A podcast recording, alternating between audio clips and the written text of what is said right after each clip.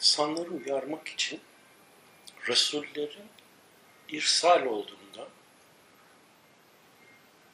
veya baas olduğundan bahsediyor Kur'an.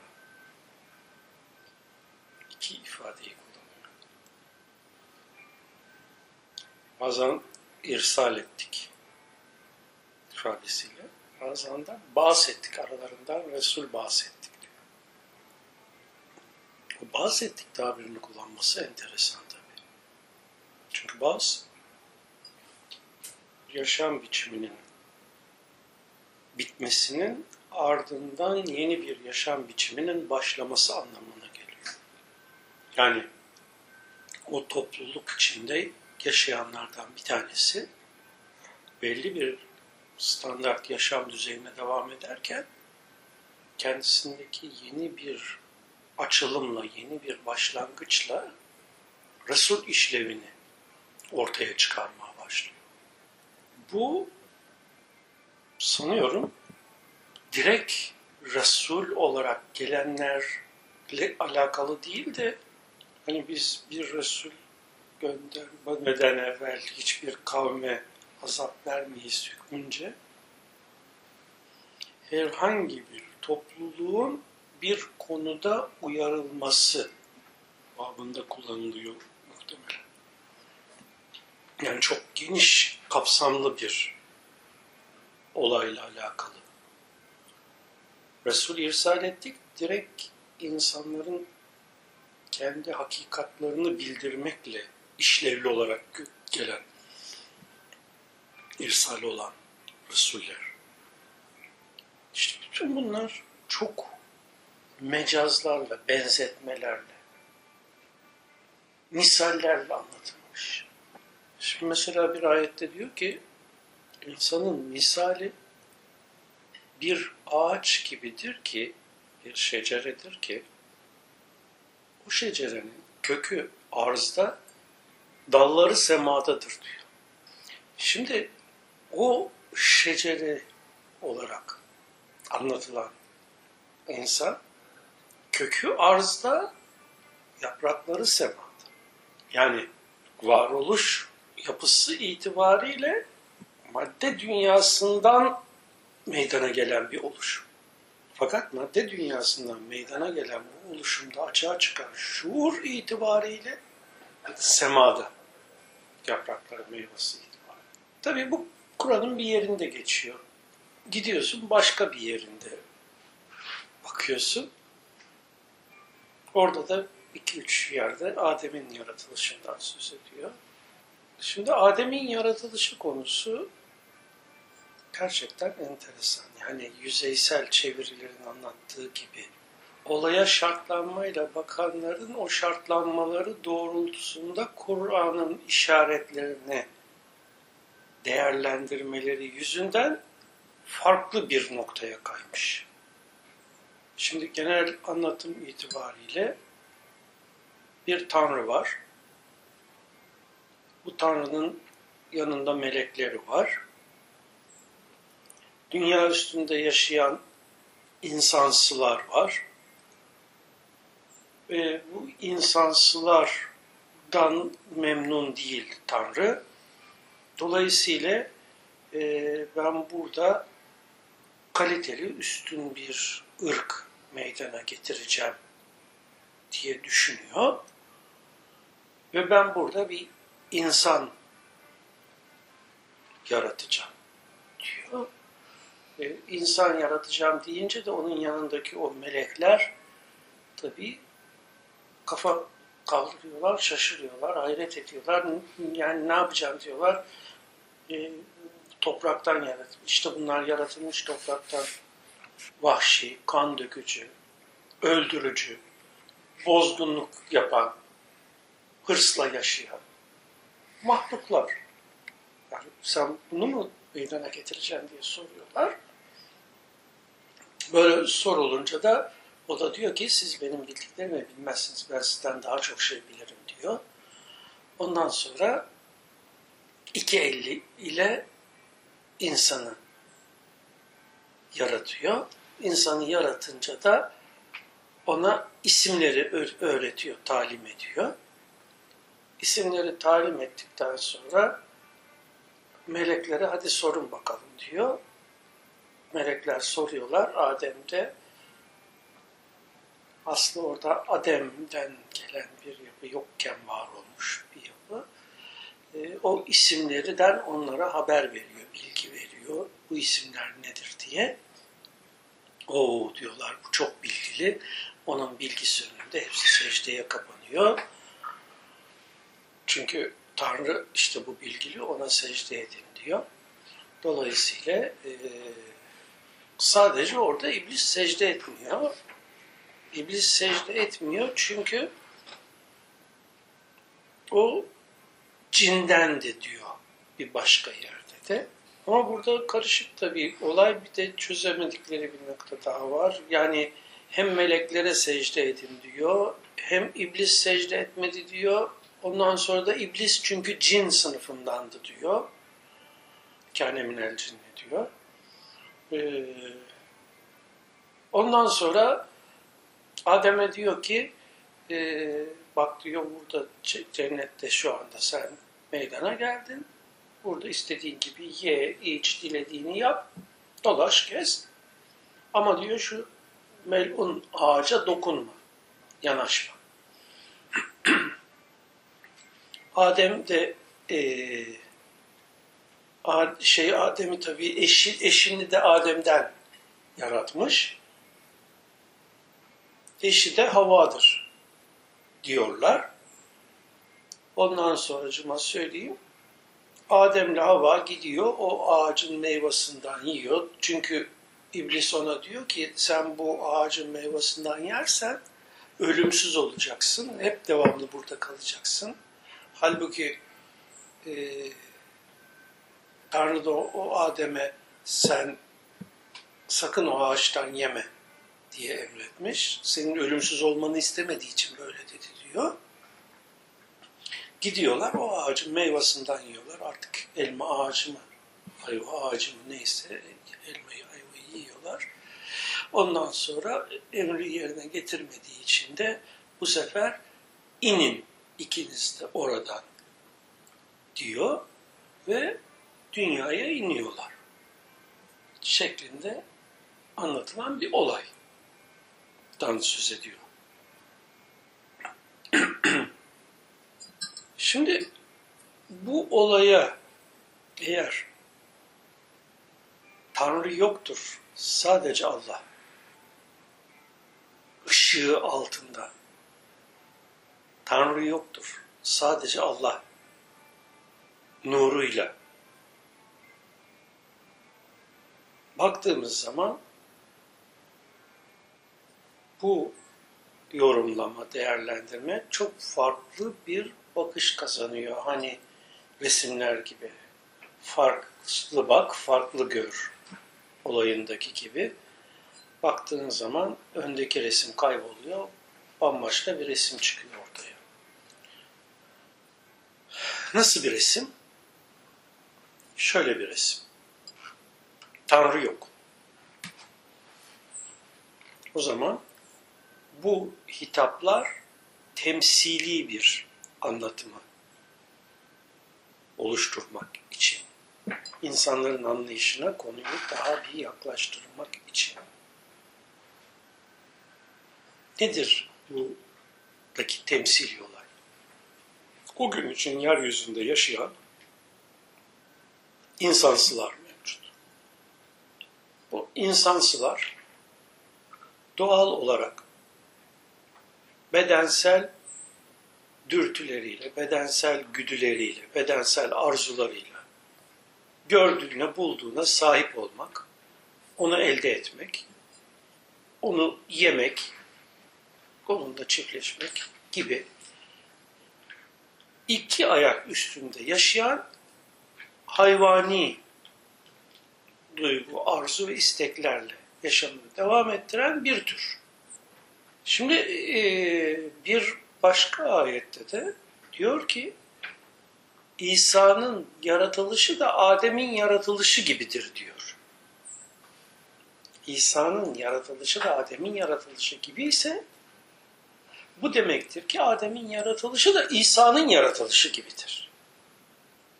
Yani Adem de yeryüzünde bir insansı olan bir dişiden dünyaya gelmiştir. Ama nasıl gelmiştir? İsa gibi gelmiştir. Yani Adem bir diş, insansı dişinin bir insansı erkekle birleşmesiyle meydana gelmemiş.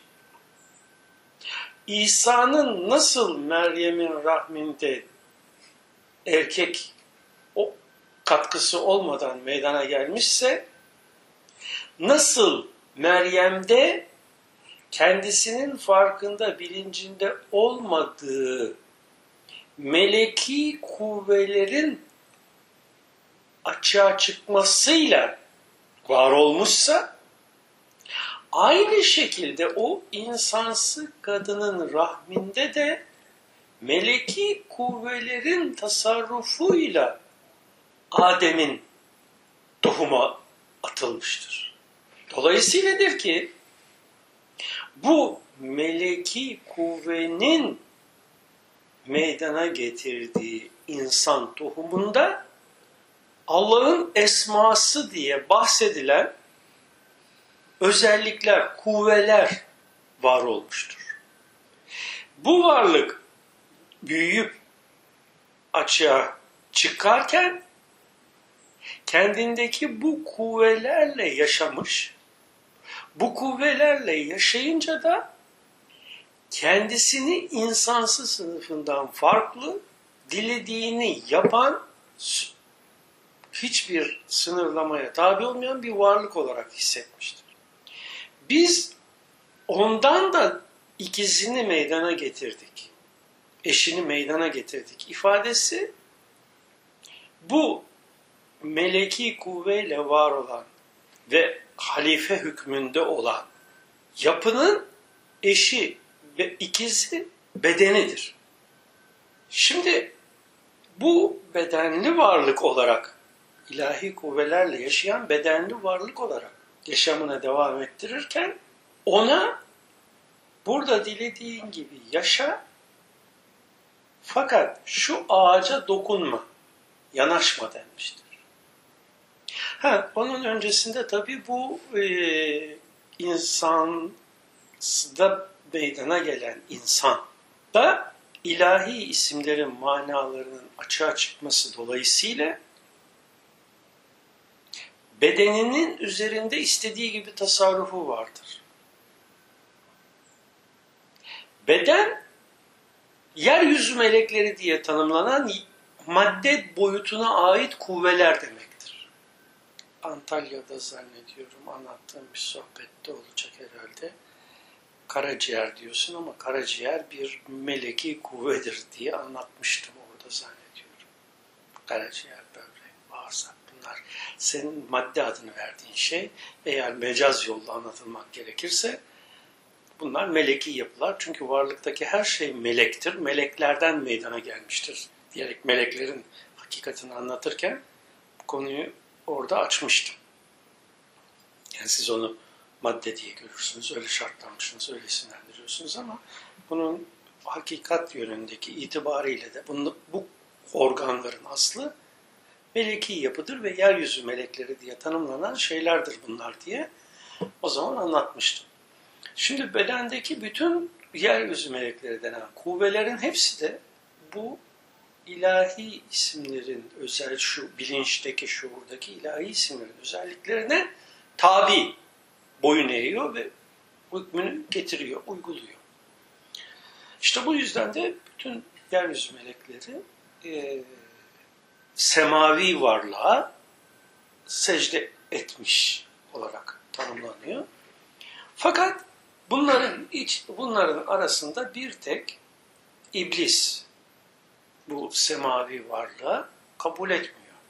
Çünkü iblis de bir başka semavi varlık,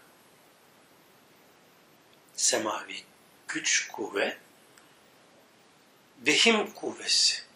Vehim kuvvesi öyle bir kuvve ki bütün meleklerin de hocası diye tanımlanan bir biçimde diğer bütün kuvveler üzerinde tasarruf ediyor.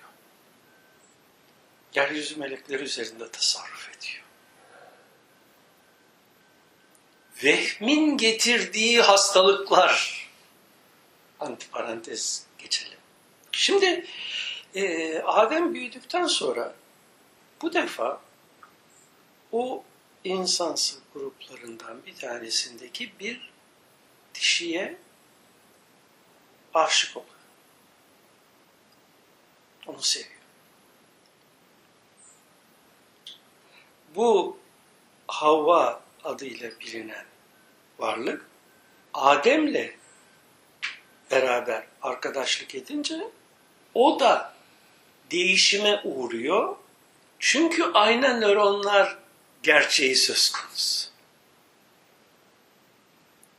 Ayna nöronlar sistemi dolayısıyla Adem'in Havva üzerindeki tasarrufuyla Havva da Adem'e eş oluyor. Fakat Havva bedensel bir varlık tamamen. Oluşumu itibariyle, gelişimi itibariyle. Ve insansı ırkının tüm hayvani özelliklerine sahip. Şu ağaca yaklaşma denilen o ağaç kökü yeryüzünde arzda dalları semada olan bir ağaç. Beden. Havva'nın bedeni. Ve Adem'le Havva'nın cinsel ilişkisi oluşuyor. O sevgi neticede cinselliği getiriyor. Cinsel ilişki. Bunun neticesinde bu defa Adem de aynı aynı nöronlar sistemi dolayısıyla tersine dönüşüm dolayısıyla Havva'dan kendisine yaş, yansıyan ve kendisini beden olarak kabullenme halini oluşturan bir özelliğe kavuşuyor, geçiyor, dönüşüyor. Kendini beden olarak hissettiği zaman o kendisindeki ilahi esma kuvvelerini kullanamaz oluyor. Beden madde sınırları içine düşüyor. Nasıl düşüyor? Vehimle düşüyor. Bedenle, maddeyle ilişkisi, iletişimi kendisinde kendisinin beden olduğu zannını oluşturuyor. Var olmayan şeyi var gösterme gücü vehim. Kendisi beden olmadığı halde kendini bedenmiş gibi kabullendir diyor. Bunun sonucunda Adem'e gelen hitap inin oradan. Yani şuur ve beden olarak şuur, Adem bir şuur varlıktı esasında. Şuur varlık olarak kendini madem ki bedeninle birlikte kabul ettin, beden de kabul ettin, şuur ve beden olarak eşinle birlikte, şuurunun eşi olan bedeninle birlikte inin arz. Çıkın cennetten. İşte bunun sonucunda kendindeki bütün ilahi özellikleri örtülüyor Adem. Bunu fark ettiği zaman ben ilahi özelliklerle var olmuş bir varlık olmama rağmen kendimi beden olarak kabullenip bedenin istek, arzuları, güdüleri, dürtüleri doğrultusunda yaşamak suretiyle nefsimin hakikatına zulmettim. Zulmedenlerden oldum. Nefsime zulmedenlerden oldum. Demek zorunda kalıyor. Çünkü nefse zulmetmenin manası nefs hakikati itibariyle Allah'ın esma bileşimi, esma kuvvelerinden ibarettir. Nefsin hakikati. Esma kuvvelerinden ibaret olan varlığın kendindeki bu esma kuvvelerinin getirisi olan yaşam boyutunu arka plana atıp kendini beden gibi düşünerek bedenin istek ve arzuları, dürtüleri doğrultusunda yaşama girmesi, kendini bir beden kabul etmesi, nefsine zulmetmesi diye tanımlanan olayın açık ifadesi. Adem'in işlediği bu günah, bu suç bütün kendi neslinde de açığa çıkıyor otomatik olarak. Genetik özellik olarak. Hepsi aynı nefsani hakikata sahip olarak dünyaya gelmesine rağmen kendini beden olarak kabullenip bedenin zevkleri, arzuları, istekleri, dürtüleri doğrultusunda yaşamak suretiyle nefsine zulmetmiş oluyor. Kendini beden olarak kabullenmenin sonucu olarak kendi hakikatını inkar ederek nefsindeki özellikleri, kendi nefsani özelliklerini inkar ederek onu dışarıda bir güç de araması itibariyle de Tanrı, ilah ediniyor ve şirk ehli oluyor. Şirke düşüyor. Yani kendi hakikati olan esma kuvvelerinin, nefsinin hakikatini bir yana koyup yanı sıra dışarıda bir tanrı düşünüyor. Bir ilah düşünüyor. Ve dışarıdaki bir güce tapınmaya başlıyor. Bir dışsal güce tapınmaya başlıyor. Ama bu dışsal güç hiçbir zaman mutlak manada Allah ismiyle işaret edilen kavrama denk olmayan, onunla kıyasa gelmeyen, onunla karşılaştırılması mümkün olmayan, ona eşdeğer olmayan, ona benzemeyen, yani Allahduğununda bir ilah, tanrı kavramı oluşuyor. İşte bu ilahi günah, ilahi suç dedikleri, insanlığın yaratılışından gelen o günahı herkes taşıyor. Özellikle Hristiyanlarda bu kavram çoktur. Dolayısıyla insanlara uyarıcı olarak Resuller irsal oluyor. Rasullerin işlevi sana hakikatını bildirmek. Sen bu beden değilsin. Kendini beden kabul etme. Sen Allah'ın halifesisin. Halife olarak var olan esma kuvvetlerinden ibaret esma kuvvesi olan bir varlıksın. Beden senin düşmanın. Ne diyor çünkü? İkiniz birbirinize zıt, birbirinize düşman olarak inin. Bunu Adem ile Havva'nın düşmanlığı diyor. Hayır. Bu şuur boyutuyla beden boyutunun birbirine düşmanlığı, çaprazlığı. Birinin yararı ötekinin zararı, birinin yararı diğerinin zararı. Bedene dönük yarar sağlayan şey şuurda perdeyi meydana getiriyor, örtüyü meydana getiriyor, glafı meydana getiriyor, kozayı üretiyor. Şuuru kozalıyor.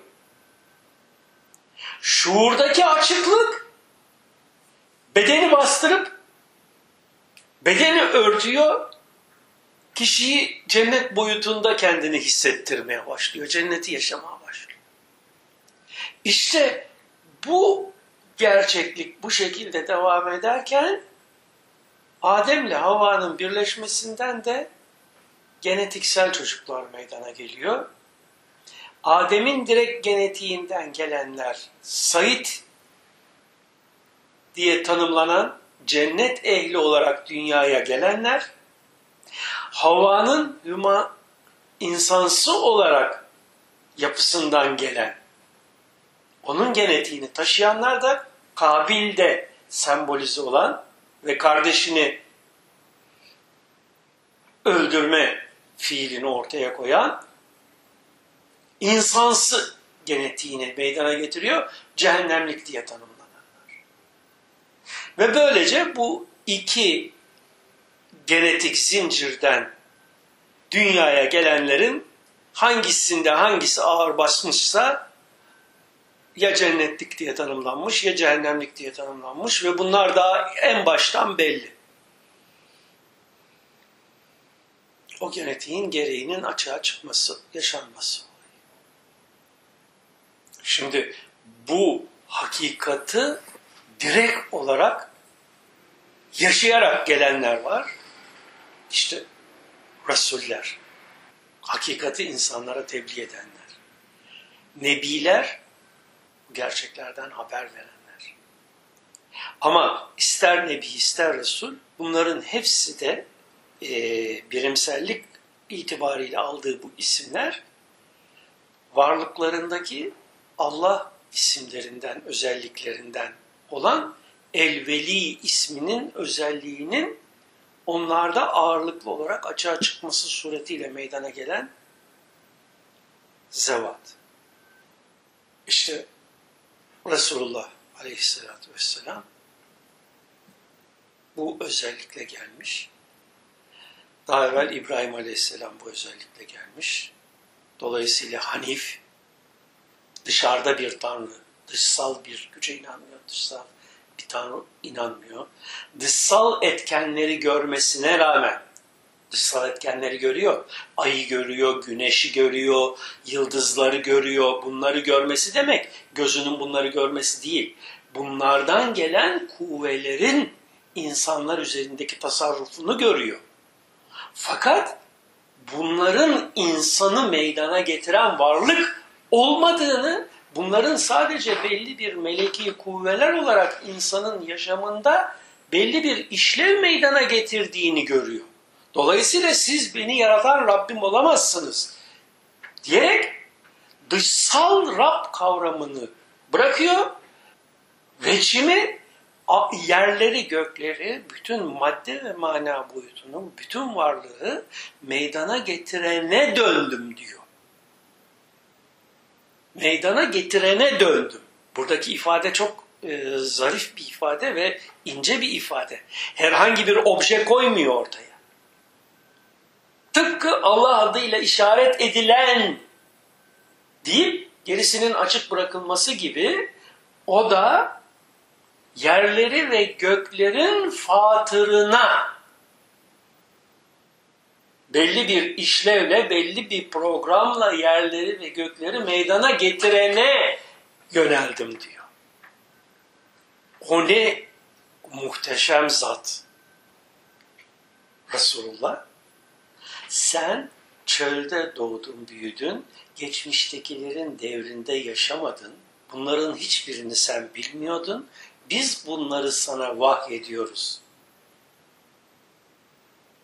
ifadesiyle tanımlanan kendi hakikat esma mertebesinden açığa çıkan bilgileri veriyor.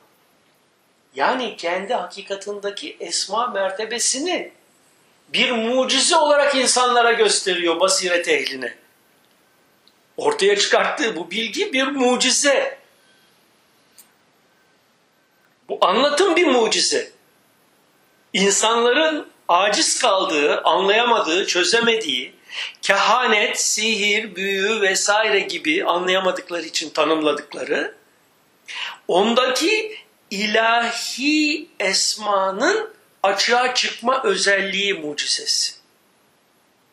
Onu fark eden Ebu Bekir Sıddık, ben Allah Resulüyüm dediği zaman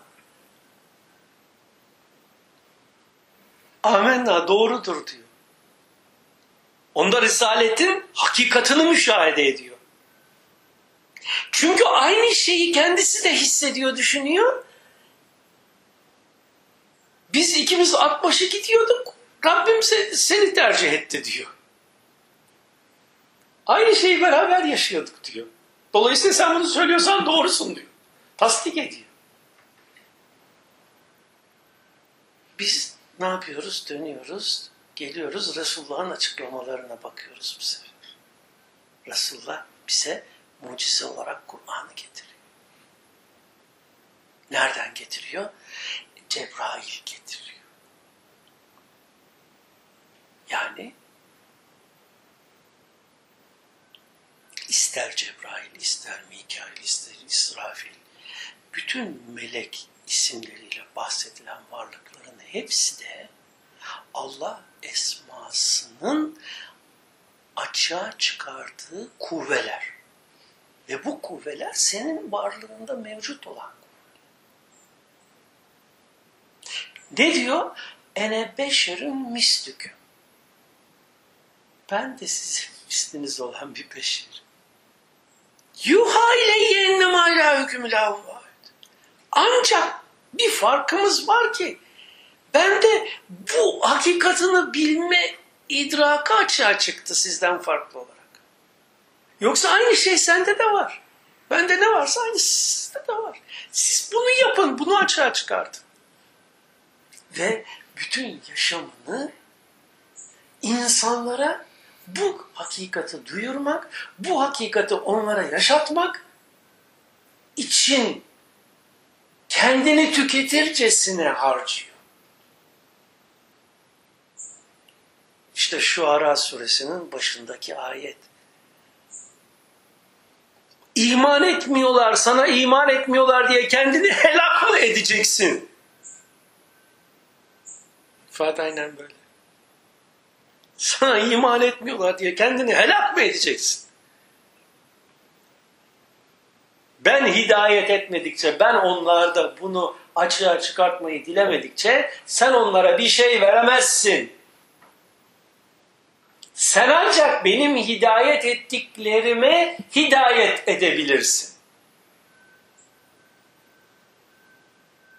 Eğer ben onlarda kendilerindeki o esma kuvvelerini, yaşama özelliğini açığa çıkarmayı dilemiyorsam, ben onlarda hayvan gibi yaşamayı, hayvani dürtüler doğrultusunda yaşamayı, bedeni zevkler, bedeni arzular, bedeni istekler, bedeni bağlarla yaşamayı istemişsem, sen onlara ne kadar anlatırsan anlat, izah edersen et, nasıl evirip çevirip misaller verirsen ver, onlar iman etmezler.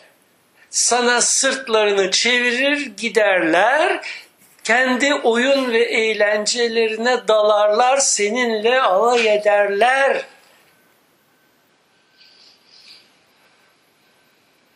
Diyor Kur'an.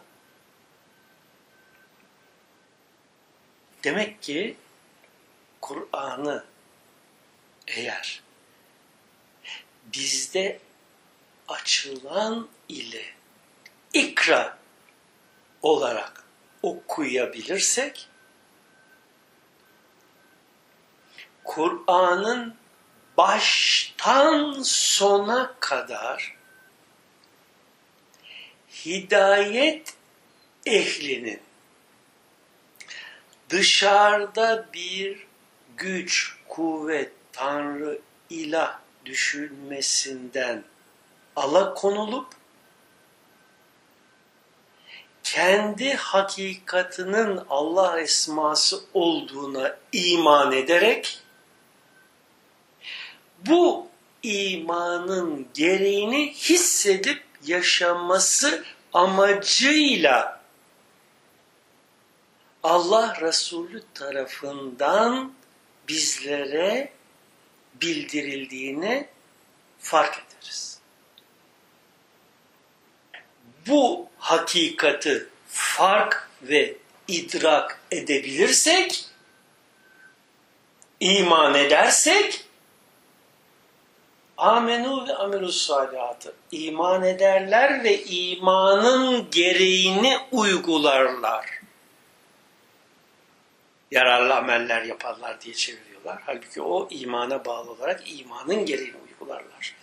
Anlamını taşır. İmanın gereğini uygularlar yani beden kendilerini beden kabul ederek bedenin istek ve arzuları dolayısıyla bedenin yemek, içmek, seks yapmak ve de sahip olmak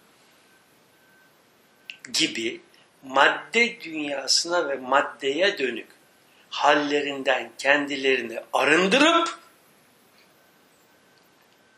bu arınmanın sonucu olarak arındırdıktan sonra kendilerindeki rahmani nefhaları, kokuları, güzellikleri hissedip yaşamaya başlarlar.